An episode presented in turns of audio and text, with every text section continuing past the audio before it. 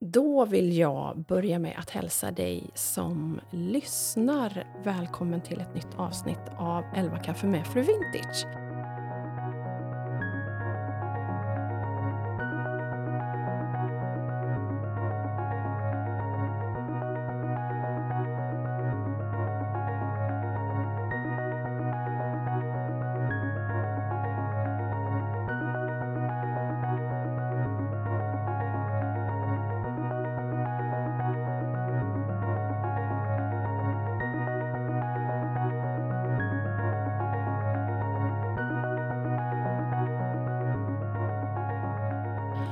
Och idag dricker vi vårt 11 kaffe hemma hos Ann Stenström på Östergården i Dalum utanför Ulricehamn får man säga va? Ja. Eller är Falköping närmare för dig? Nej, Ulricehamn. Ulricehamn. Det tillhör Ulricehamns kommun. Ja men precis. Det här Det borde ju du Ja men veta. precis! Och vet du vad? Jag var ju i, som alltid alldeles för tidig. Mm. Så jag, för jag hade skrivit till dig att jag skulle komma vid halv fem, fem. Ja, precis. Men jag gled ju in här i, i Timmele vid ja, men kanske fem i fyra eller något. Mm. Så jag har faktiskt hunnit titta förbi mitt gamla hus, mitt gamla Ah. hem. Ja, så jag var lite så här omskakad nästan. Ja. Skickade filmen till mamma och ska skicka till mina syskon sen också. Du får ju berätta var det är någonstans. det huset. Ja, det ligger ju på eh, Ringvägen, Mhm. Ganska nära skolan i Timmele. Ah, okej. Så jag åkte förbi skolan också och såg att mitt klassrum är kvar. Jag gick i den byggnaden som ligger närmast vägen. Mhm. Det är en väldigt vacker skola. Väldigt vacker, jätte, jättefin. Så där gick jag ju första klass bara, sen flyttade vi vidare. Mm. Men det, jag tänkte på det, att det är väldigt vad det väcker, för nu är det ganska många år sedan jag var här. Mm. Vi kör ju förbi Ulricehamn och laddar bilen. Just det, men inte 46an åt detta hållet. Nej, utan- precis. Mm. Utan då kör vi bara genom Ulricehamn, oftast när vi ska till Varberg eller Göteborg.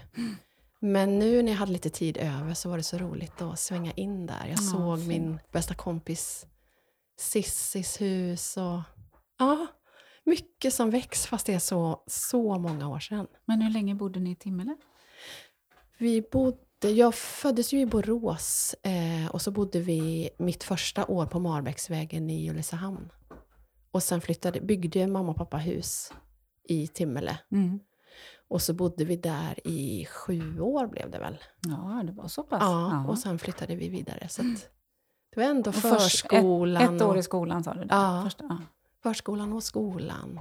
Åkte förbi och såg dig eh, på barntimmarna. Och, ja, väldigt Ja. speciellt. Men nu är det inte mig vi ska prata om, nu ska vi faktiskt prata om Nej, men trevligt. dig. ja, men det är ju mina trakter. Ja. Så jag hade ju en, en klasskompis till exempel som bodde här i Dalum. Så jag körde förbi hans hus också. Eller jag Mm. såg det nu när jag åkte förbi. Mm. Fint. Speciellt. Det, vi konstaterade ju när jag gick innanför dörren här att det är ganska exakt fyra år sedan faktiskt som, som jag var här första gången och som vi också träffades första gången. Mm. För då hade du bjudit in mig till en middag Mm. och jag tittade på gamla bilder och såg att Hanna Wendelbo var med, Mm. Annika Löv, Lotta Lundberg heter hon va? Ja, precis. Mm. Drömma på Instagram. Och det var ju första gången vi sågs Mm. på riktigt. Men vi hade följts åt länge. Det hade vi, verkligen. Och jag tror, om jag inte missminner mig, att första kontakten vi hade på Instagram var när jag köpte linnelakanen av dig. Just Eller det. hur? Nej, inte linnelakan. Du köpte servetter. Servetter köpte jag Ja, först ja. Du var min första kund. Ja men precis. Och sen köpte jag Linnelakan. linnelakan. Ja. Ja, det är ju ganska många år sedan nu. Ja, Så vi har ju- 2014 startade jag i företaget. Oj, det är så Ja. länge sedan. Det är inte klokt. För det tog ju går. ganska många år innan vi träffades. Mm. Och när vi gjorde det, jag glömmer aldrig vårt första möte här i ditt kök. Nej. Det var som att träffa en gammal syster. Ja, och vi har en bild på oss. Den är så också sådär... Jag tittar på den ibland. Den är, den är en jättefin, varm, varm bild. Ja. Det är sådär med speciella möten. Mm. Det är otroligt mycket som jag vill prata med dig om såklart. För Mm. vi har ju även försökt att få till den här podden typ sen jag startade. Ja. Det är ju länge sedan vi Mm. pratade om att vi, att vi skulle podda. Men nu är jag här. Precis, nu är du här. Och nu ska jag sova jättefint. över i natt, så jag vill bara ha den här podden avklarad. Ja, precis. Nej. Nej. Nej, men ehm, jag tänker att vi börjar i den änden hur du hamnade på Östergården.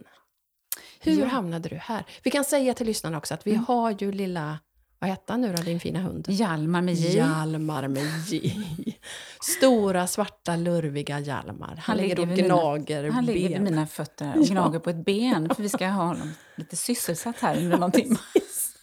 Vi får se hur länge han Så, eh, Om håller ni hör det knastrandet Ja, så är det precis. Så är ben. det, skyller vi på Hjalmar. Ja. Nej, men hur hamnade du här? Hur hamnade jag här? Jo, eh, jag hade... Jag tar det lite långa sådär. Ja, Eh, gör det. Ta det hur långt du vill. Vi har hela kvällen på oss. Jag hade varit singel i fem år eh, när jag träffade Anders, min man, eh, 2008 i februari. Han hade också varit singel efter ett äktenskap i fem år. Och hur Och vi- träffades ni då? Genom en eh, da- dating-sajt. Aha, wow! Vi Vilken båda var, fullträff. Ja, men verkligen. Ja. Vi båda var sådär, ja, men vad träffar man då nu liksom, när man har passerat 40? Ja, ja. Vi är inga partymänniskor som är ute och det är inte heller, men du vet va. Ja, men vi testade Match.com och så Ja. fanns han där. Wow! Ja, så vi träffades så i februari och så var vi tillsammans ett halvår när han plötsligt sa, eller jag berättade att ja, men nu är det älgjaktstid så vi ska åka ut till eh, Östergården i Dalum. Jag tror inte ens att han sa vem som ägde det eller liksom vad det var. Utan vi skulle bara, hit, skulle bara åka hit. Vi skulle Ja. åka hit på älgjakt. Ja. Och eh, satt i köket, eller ja, rättare sagt först när jag såg huset så... Jag skriver faktiskt om detta i min bok, men det ska vi prata om ja, sen. det ska men vi också göra. men den var, det var en sån omedelbar kontakt med, med platsen och det här huset som såg så skruttigt och ledset. Less, alltså det såg sådär, Ta hand om ja mig. men verkligen ta hand om mig snälla. Ja. Och du vet, eh, ja men det var i oktober, det var nästan, det började liksom bli sådär att löven började falla och eh, och vi satte oss i köket och det var, vi hade med oss fikakorg. Och det var massor med möbler och lite, men det var liksom lite spökligt samtidigt men ändå en god känsla. Ja. Så frågade jag Anders vems huset var och då berättade han att det var hans pappa som ägde det. Sen vet jag inte riktigt hur, hur långt vi kom i vem, hur det liksom, han berättade inte storyn bakom då men jag kunde liksom inte riktigt glömma platsen och, och ja. Och så kom våren 2019. Nej, 2009. Förlåt. Eh, när min svärfar sa att han funderade på att, att sälja gården. Men han bodde inte här då? Nej, han bodde inte här utan han, han ägde då skogen och det var egentligen skogen som var min svärfars stora Ah. intresse. Mm. Och sen hade han kvar den här gården då. Och då ska jag berätta detta. Det här är alltså en gård som har funnits i familjen Stenström sedan eh, 1845. Så det var Anders Oj! farfars morfar som byggde den. Nej men oj! Så, och det Anders pappa har, bodde här som barn en kort tid. För Anders farmor och farfar var missionärer och reste till Kongo och missionerade. Och då var huset uthyrt till andra bönder. Så att det var tre familjer som bodde här som inte liksom tillhörde släkten om man säger så. Och eh, ja, den brukades av andra, andra bönder där. Och eh, sen stod det tomt i 50 år. Nej, Så men- Anders pappa hade, hade huset mer som av nostalgiska skäl. Och han hade väl ett, eh, en tanke på att göra i ordning det som ett sommarhus, för han bodde i Falköping då. Men han kom liksom aldrig dit. Han började i någon ände och skulle göra någon dusch. Och, men det blev liksom aldrig färdigt. Anders mamma ville inte vara här. Utan, och då skulle han ju driva det själv. Och, så det fanns liksom bara kvar. Han spikade på någon bräda och målade på lite. Och det hände liksom ingenting med huset direkt. Utan det blev mer som en förvaring av gamla möbler som åkte hit. Liksom. Som något lager. Men som sagt, 2009, den, den våren, så sa han att jag tror inte att jag orkar med det här utan jag funderar på att sälja. Och då såg han en gnista tändas i mina ögon, för då blev jag så här. Och jag, jag minns det så väl, för han sa "Ah, är ni intresserade? Och eh, det var väl egentligen där som jag sa det till Anders. Att, men ja. Och Anders han sa på riktigt att du är inte klok. Han hade Så- inte ens tänkt tanken innan. Nej, Nej. nej, verkligen inte. Och han hade bott i Stockholm i 18 år och där, det var där han var gift. Och sen hade han flyttat till Göteborg fyr, två år innan vi träffades. Så att, nej, men det här huset hade liksom bara varit ett hus som bara stod där. Ja. Man tänkte liksom inte på det, att det var en gammal släktgård. Nej. Men eh, den sommaren 2009 så sa jag till Anders att eh, kan vi inte bara ta en luftmadrass med oss och katten och så åker vi ut och bara, bara provsover en natt. Och då bodde ni i Göteborg? Då bodde vi i Göteborg. Ja. Mm. Eh, Så det gick han med på och det var en, en varm sommardag som vi tog med oss en engångsgrill och lite kött och sallad och ett glas, eller en flaska vin. Letade fram ett bord, skurade rent i kammaren in till köket och pumpade upp madrassen och satt ute och grillade köttet. Och jag, det är sån där otroligt starkt eh, minne. Ehm, vi satt ute länge och sen gick vi och la oss det var ju väldigt kallt i huset. Det var verkligen varmt ute och kallt här inne. Och sen eh, nästa morgon så slog vi upp fönstren och kände värmen utifrån. Då minns jag hur Anders låg kvar på luftmadrassen. Och så tittade han upp i taket och sa, men kanske ska jag göra något åt det här huset ändå. Man kan ju faktiskt bara kan jag ha ett sommarhus. Liksom. Mm. Nu ska det tilläggas att det här huset är väldigt stort. Verkligen! Så det där med sommarhus, ja, Hur många det kvadrat var- är det? Vet du det? 250 Ja, ungefär cirka. ja. Mm. Så det, Rejält. ja.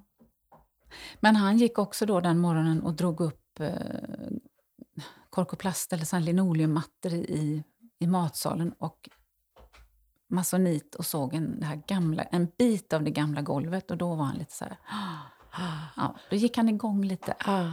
Så där började våra tankar om hur vi skulle göra med huset. Verkligen meant to be, att du kom in i familjen och ja. räddade en Faktiskt. släktgård som har Mm. funnits så länge. Och när du säger det så är det också ett väldigt starkt minne när vi väl hade gjort, börjat liksom, och köket var klart, badrummet var klart, så minns jag min svärfar stod i köket och tittade och fick tårar i ögonen och sa att det verkligen, var verkligen meningen att Anders skulle flytta från Stockholm till Göteborg och träffa dig. Ja. Annars hade det här inte blivit av. Nej. För det var ingen i familjen som var intresserad av det här. Wow. Så det, ja, det, det, det är en lång resa Ja, som vi har gjort här. ja. Men, eh, Och så fint. Så, Tack. så fint. Vi har ju bevarat så mycket som vi har kunnat. Så tre rum är ju original, innertak och golv. Och vi har sparat alla dörrar och vi har, vi har verkligen renoverat med varsamhet. Ja. Och hur gammalt sa du att det är huset? 1845. Ah, alltså huset är från 1845. Mm. Oj. Jag tror det hade flyttats en liten bit också. eh, enligt- Ja, någon som har berättat. Så, ja. Ah, wow. Men det är en, den ligger högt och vi har liksom utsikt över hela Ätradalen. Och, Jag minns inte att det var lite hus runt omkring. nej. Jag minns att det var helt öde. Ja. Men det är det ju inte. Nej. Det är ju lite Det grannar. är det som och- känns fint också tycker jag. Att man ändå har grannar fast det inte är så många här uppe. Ja. Men man känner ändå närhet att skulle det vara någonting, man har lite grann, Ja, men precis. grannkoll. Liksom. Ja. Mm. Och efter den här långa resan då med renovering av huset och, och så har ni ju utvecklat den här platsen till något helt fantastiskt. Tack. Ja. Med Hermans lada Mm. och konserter Mm. och pop-up och restaurang och butik och hjälp. ja. Vad ni har eh, jobbat och vilka, vad ni har lyckats verkligen. ja, tack. Det Och det var ju ingenting som var... När jag startade mitt företag 2014 med textilier så... eh, Då, alltså jag hade jobbat med, med smyckedesign egentligen innan också. Jag hade en smedja som låg nerpa- nerpackad men jag visste inte var jag skulle sitta någonstans för det är, Nej. ganska, det är ett ganska smutsigt jobb. Så det fanns alltid en dröm om att starta igång det där. Men jag började med textildesign för att sätta igång något, något företagande. Liksom, för jag ville vara här och göra skapa, kreera. Um, så det var ju liksom på gång där. Men när vi hade renoverat klart... Nu ska vi se. Så jag, det, är ju liksom, det har gått så många år nu. men Det borde ha varit 2015 någonstans som vi stod inför den gamla ladan. För då hade vi köpt ladan som, som tillhörde gården. Vi började med att köpa huset och stycka av tomten, liksom, så det var det vi Aha, ägde. Just det. Och så ägde ju svärfar självklart ladan och skogen och allt det här och ängarna. Så sa han att jag vill sälja av.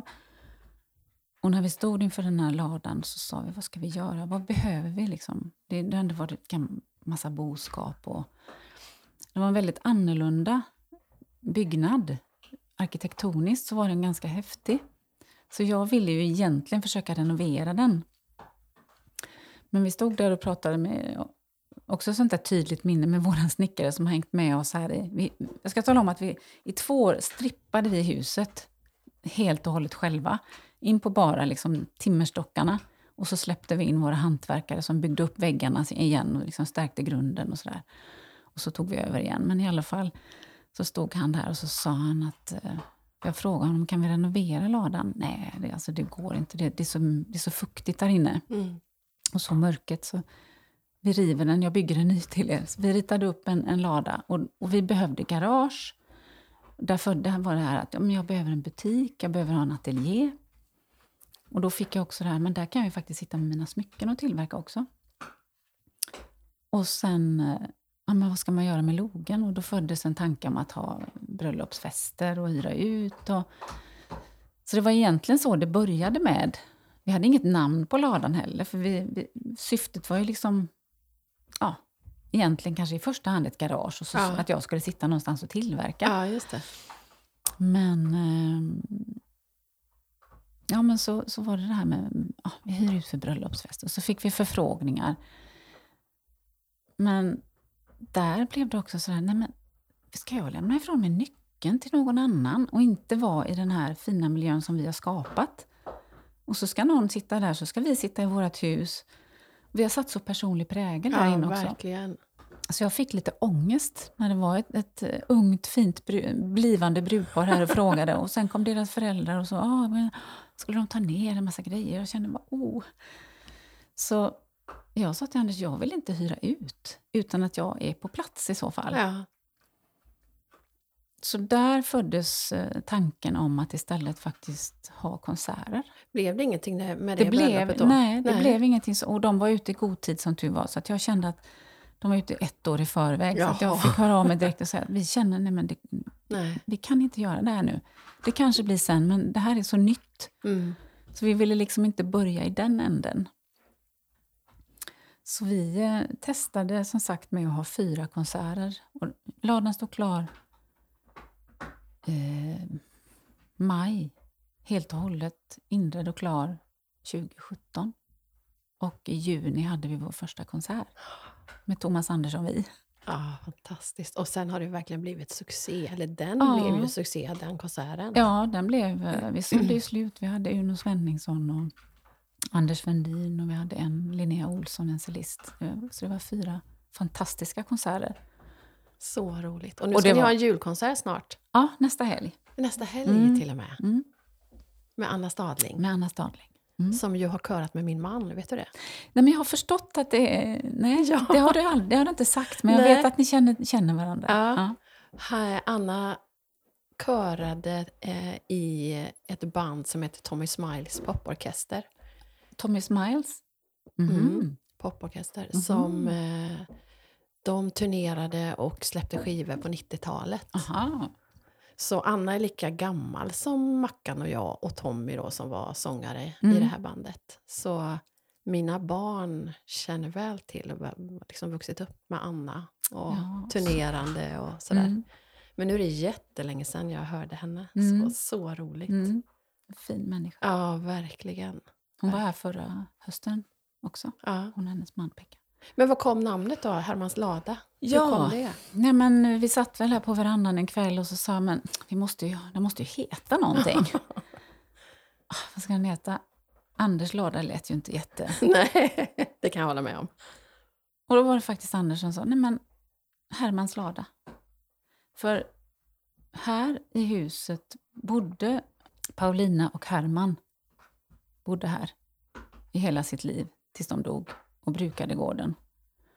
Och Herman var väldigt händig och han hade byggt den gamla ladan som vi rev. Mhm. Så vi stod med en helt ny lada som var vår egen hundra år senare. På samma, vi byggde alltså den här nya ladan på samma grund som den gamla. Så det, det kändes så bara, ja, men det är klart att den ska heta Ja. Hermans lada. Ja. Ja, fantastiskt. Vilken, Mm. fin, vilken fin historia. Ja, tack. Och senast i raden då av allt som du har gjort Mm. så har du ju gått och släppt en bok. Ja. Helt fantastiskt. Hermans lada, musiken och livet på Östergården. Mm. Fantastiskt. Och jag måste ju erkänna att när jag fick boken i brevlådan och la mig med den i sängen på kvällen så tänkte jag i mitt stilla sinne, okej, ännu en vacker bok med vackra bilder som jag trodde att jag skulle bläddra igenom på ett nafs. Men flera timmar senare så, jag blir nästan lite rörd ja, men det blev jag också nu. Så jag sträckläste boken och oj Ann, Ja. så otroligt fint. Och jag, jag tänkte då att den är så den är så avklädd men samtidigt inte naken. Jag tycker att ni har gjort det så bra. Att du har berättat svåra, tunga saker på ett sätt som inte känns... Vad ska jag säga? Det känns fint mitt i allt. Ni har ju verkligen gjort det på ett så fint sätt. Tack. Nej, men en, en del... eh, det var jättemycket som verkligen rörde mig, men en del som jag tänkte att jag skulle läsa eh, i kapitlet Min historia. Jag minns en jul och kanske en påskhelg som hon tillsammans med mormor kom till oss i Malmö från Jönköping för att fira en helg. Vid ett tillfälle glömde min syster sin morgonrock hos oss. Den var rosa, i bredspårig frotté, med vita ränder och stora vita knappar. Och jag minns hur jag hade den på mig i sängen och kände doften av min stora syster och hur mycket jag längtade efter henne. Det smärtar mig att skriva om, om detta i denna stund. Det är så länge sedan, men det, min, det minnet är etsat i mitt inre.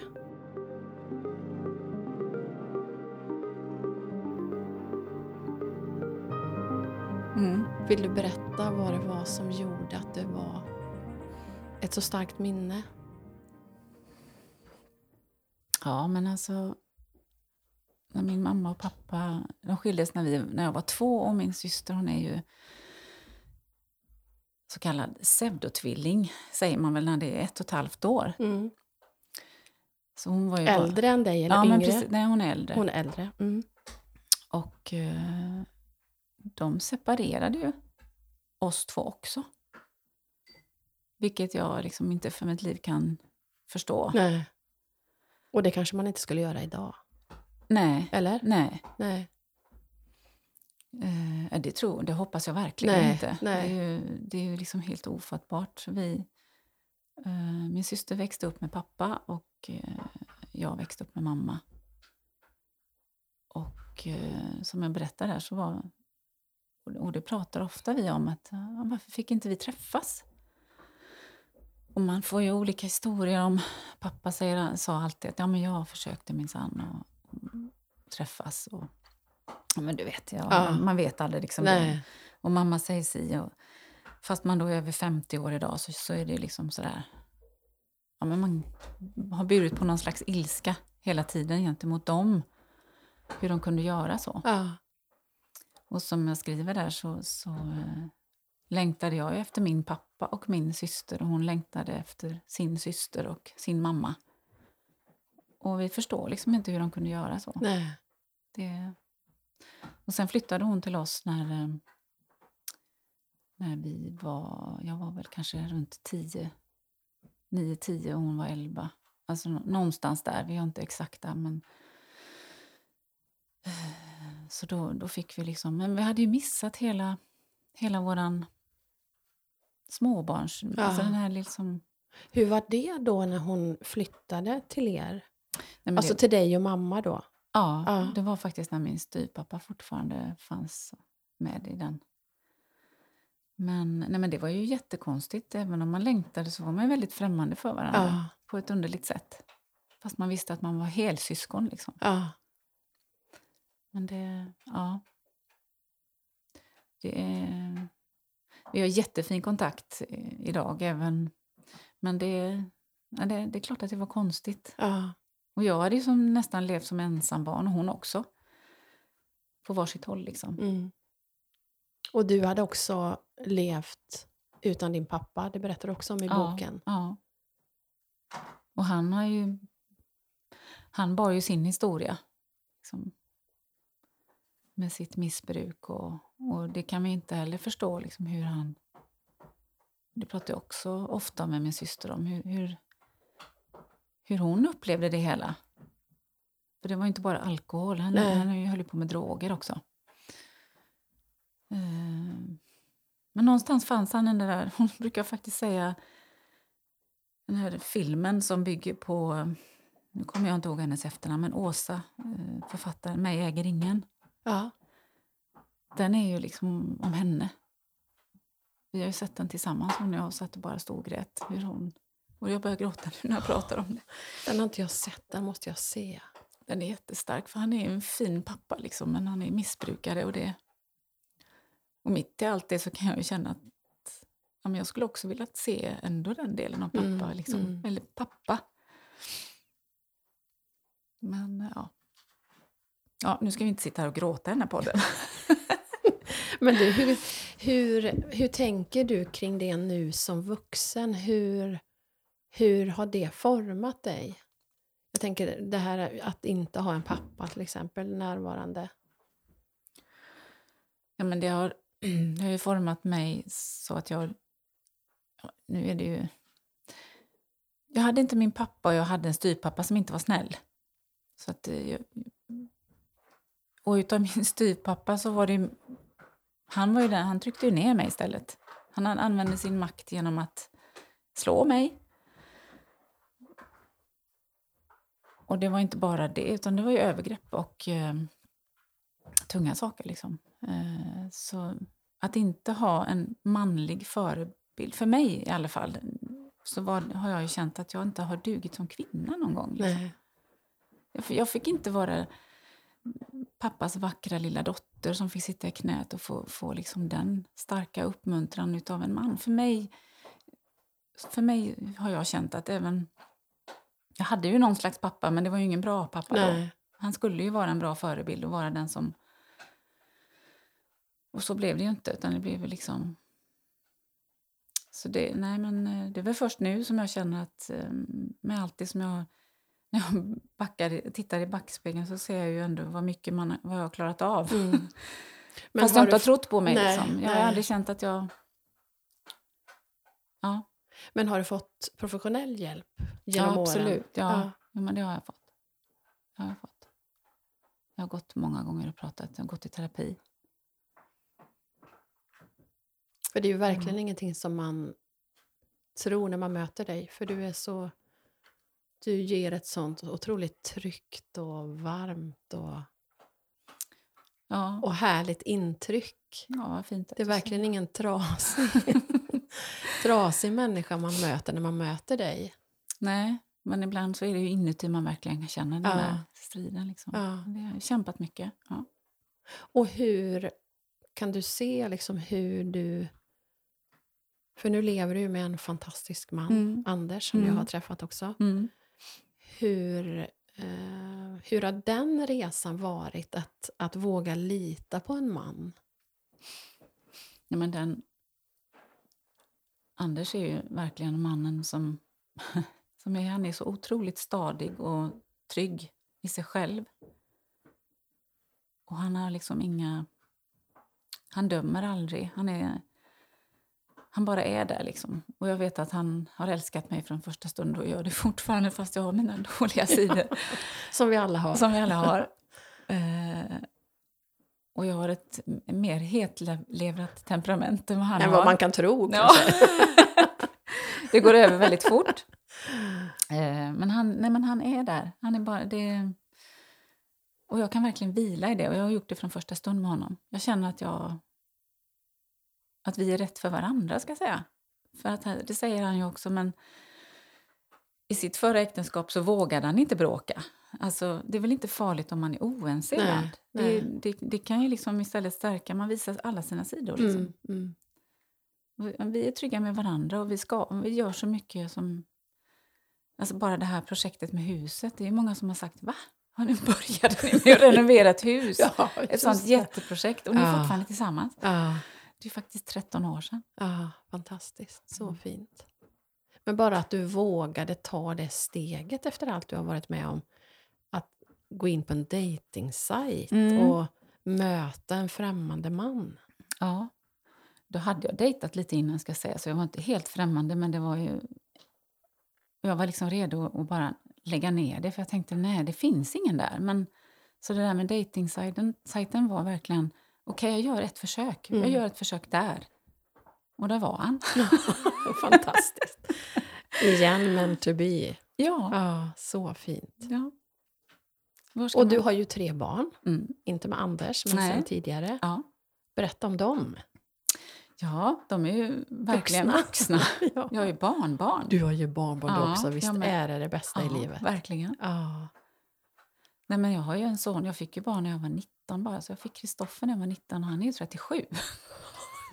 Nästan lika gammal som du, känns det som.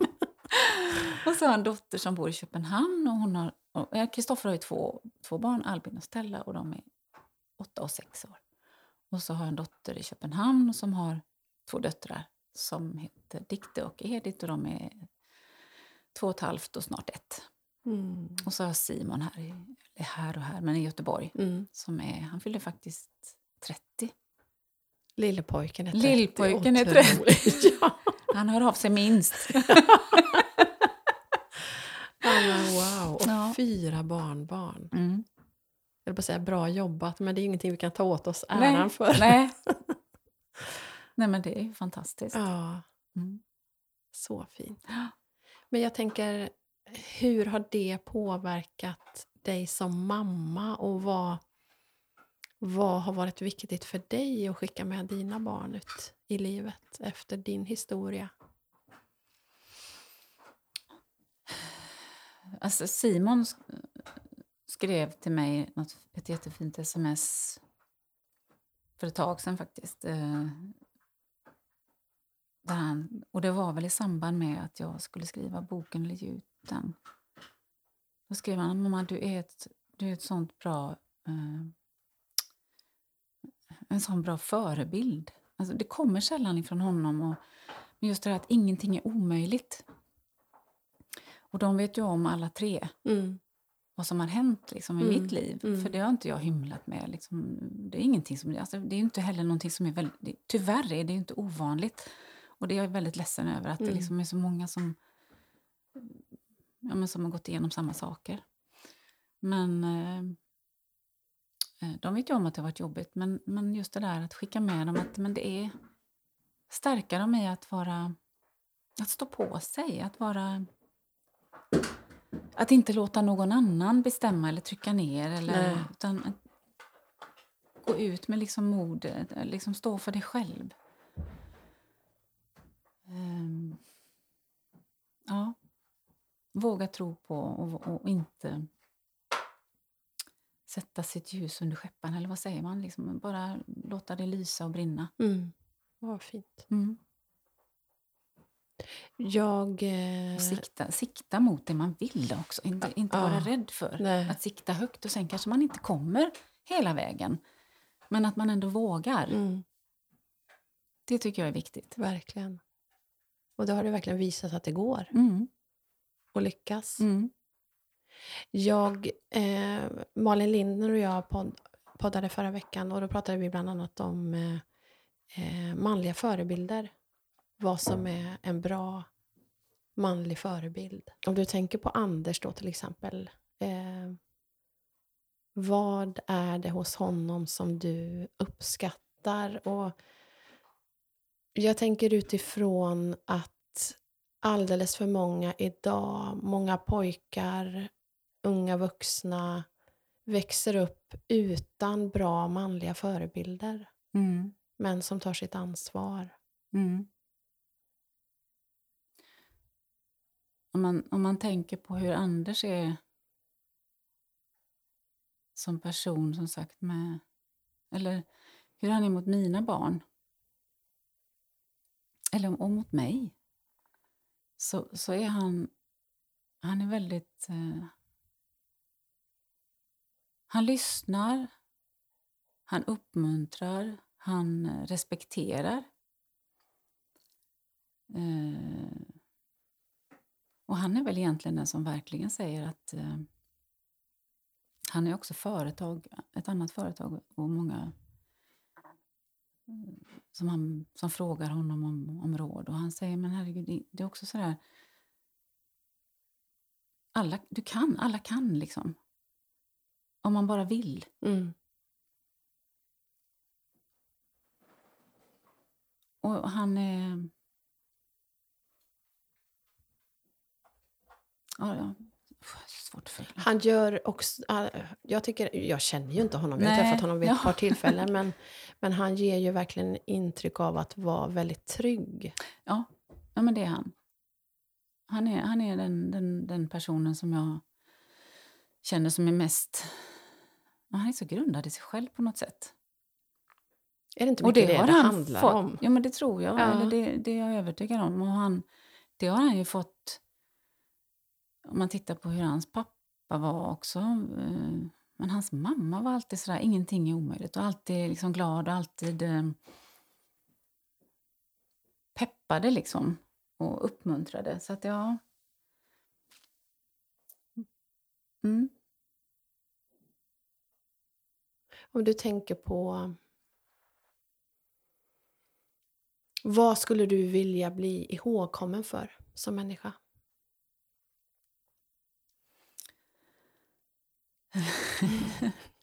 Vi kör de lätta Ja, frågorna, hur? lätta ämnena.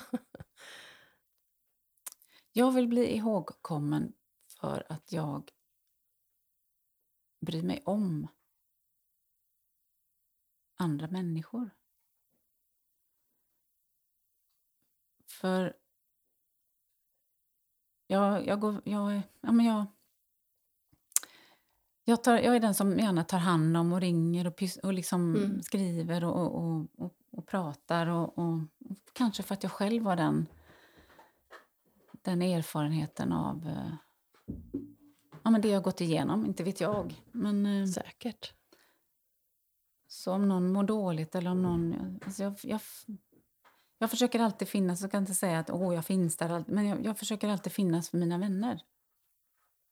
Och sen att, att som sagt, för att återkomma till det här att, att eh, och det skriver jag om i boken, att det, är möjligt att vända livet. Mm. Och, och sen är inte det någonting som, som eh, man bara gör. Eller liksom, det, men, men det är så lätt att att- att liksom... eh, Ett tag så kände jag att jag var liksom bara nere där och, och mådde dåligt. Liksom. Men att man... Även innan jag träffade Anders, det var inte bara dåliga. Mitt liv var inte dåligt Nej, liksom, som nej. jag vuxen när jag fick barn. Och, eller, jag tog ett steg själv och skilde mig för att jag var inte lycklig den, i det äktenskapet. Men... ja, man, man, får, man, man får liksom... eh, Eller jag kände att jag var redo för en relation. Jag var liksom, nej men nu är jag redo. Och sen var det nästa steg och sen liksom... Nu träffade jag Anders som var trygg och, och det är klart att det betyder jättemycket. Mm. Och att det är, det är lättare att vara två. Så... ehm, Mm. Men att man... Att man ser att ja, men, det vi gör här till exempel med Hermans lada. Vi hade en, ett, ehm, en bokning på ett slutet sällskap i fredags och eh, mannen som... Vi kände faktiskt de som hade bokat men det spelar ingen roll för nu fick jag prova min pop-up-restaurang Ja, utan konsert, utan bara stå som, Ja, som restaurang där Ja. Och eh, han hade med sig en vän som hade varit här, eller har varit här på våra konserter. Jag tror de hade varit på fyra konserter. Och han kom fram till mig när jag stod i köket och grejade och så sa han att Alltså det ni gör här, förstår ni hur mycket, vad, vad fint det är ni gör? Det är, det är verkligen ett kulturarbete. Liksom. Ja. Ni gör det för kulturen och för människorna. Och... Han började nog med att säga, "Vi- vi- vilken- det är som fin energi. Så ja, det är ju en fin energi. Men så sa han, men det är ju ni.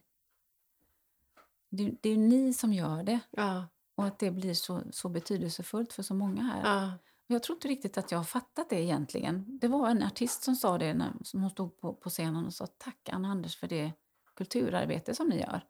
Då fattade jag först att jaha, ja, just, just det, jag- det är kultur Ja. vi håller på med.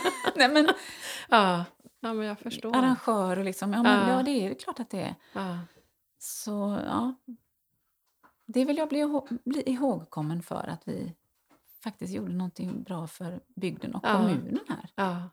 Och för alla Och f- enskilda människor som har kommit hit. Ja, och det är så fint att se också att det kommer en, alltså människor som inte har något, som, är, som vågar sig hit och sitta. För det är inte heller kanske lätt att gå.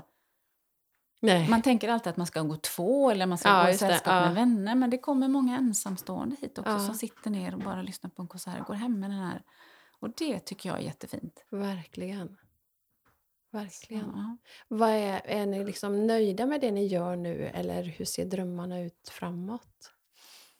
Nej, men vi är jättenöjda med det, det vi gör och som sagt, allting sker ju under ladans tak med min butik är där men jag vill inte vara låst i att bara ha... Det var därför det här med pop-up-restaurangen kom till mig i somras. Att jag vill inte bara ha en butik och öppet varje lördag och inte veta. Ibland kommer det jättemycket folk och just ibland, det. det är inte jättelätt att driva en butik på landet. Nej, nej. Och vi hade i väntan på i våras, innan vi visste om vi fick köra konserter överhuvudtaget på grund av pandemin. Så vi brukar ju släppa vårt program i februari, mars. Och vi hade allting bokat, allting låg verkligen bara vänta, vänta, vänta. Och så tror jag vi fick veta i, ja, om det var i början på juni, men då var det också så här, ja, men vad ska vi hitta på? Vi måste få hit folk så att Mm. folk förstår att Hermans lada for, lever liksom Ja, precis. Ja. man inte tappar bort oss. Ehm, Så då, eftersom min dotter bor i Köpenhamn och vi alltid äter smörrebröd och jag faktiskt har 25 danskt i mig från min morfar så kände jag nej men det är klart jag måste smörrebröd, det finns inte i närheten. Och jag lagar all mat, nu ska jag tillägga då, till konserterna. Så det finns liksom i plan, ja, jag planerar, jag lagar maten. Ja. Och det, det blev en, en, en, eh, faktiskt en succé. Eh, så då kom det till mig det här med, med pop-up-restaurangen.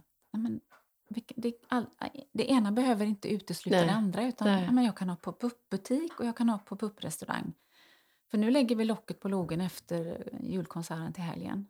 Och då, då får vi vara där nere, för det är för kallt på Ja, logen. just det. Just det. Så ehm, vi kommer väl liksom bara hålla igång det här nu, Ja. testa det här. Ja. Man kan boka som slutet sällskap. Och, eh, men vi har sagt att vi arrangerar. Så hyr man så ingår vi. Ja, vi det. Mm. arrangerar och vi liksom löser hela den biten. Så vi Mm. lämnar aldrig ifrån oss nyckeln och går härifrån. Nej. Utan vi är där Mm. och håller i allting.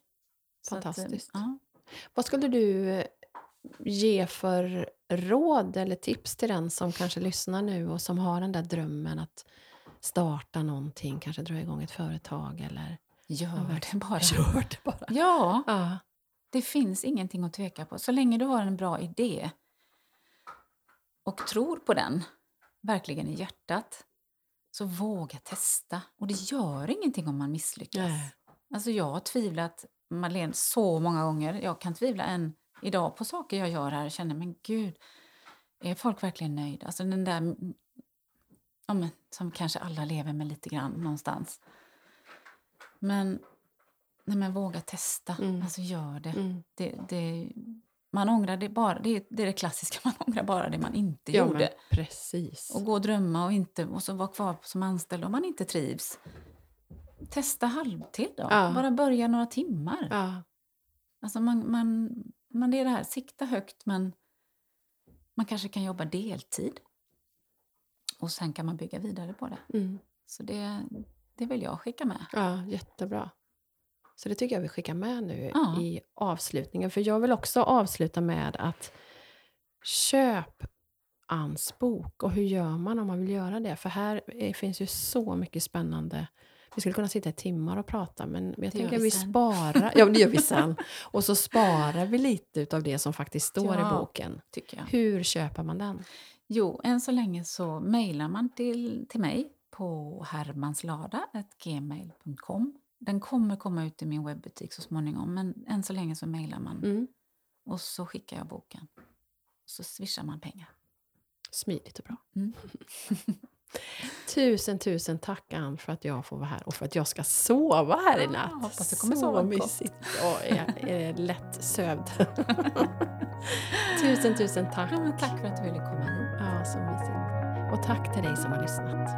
Hej då! Hej då.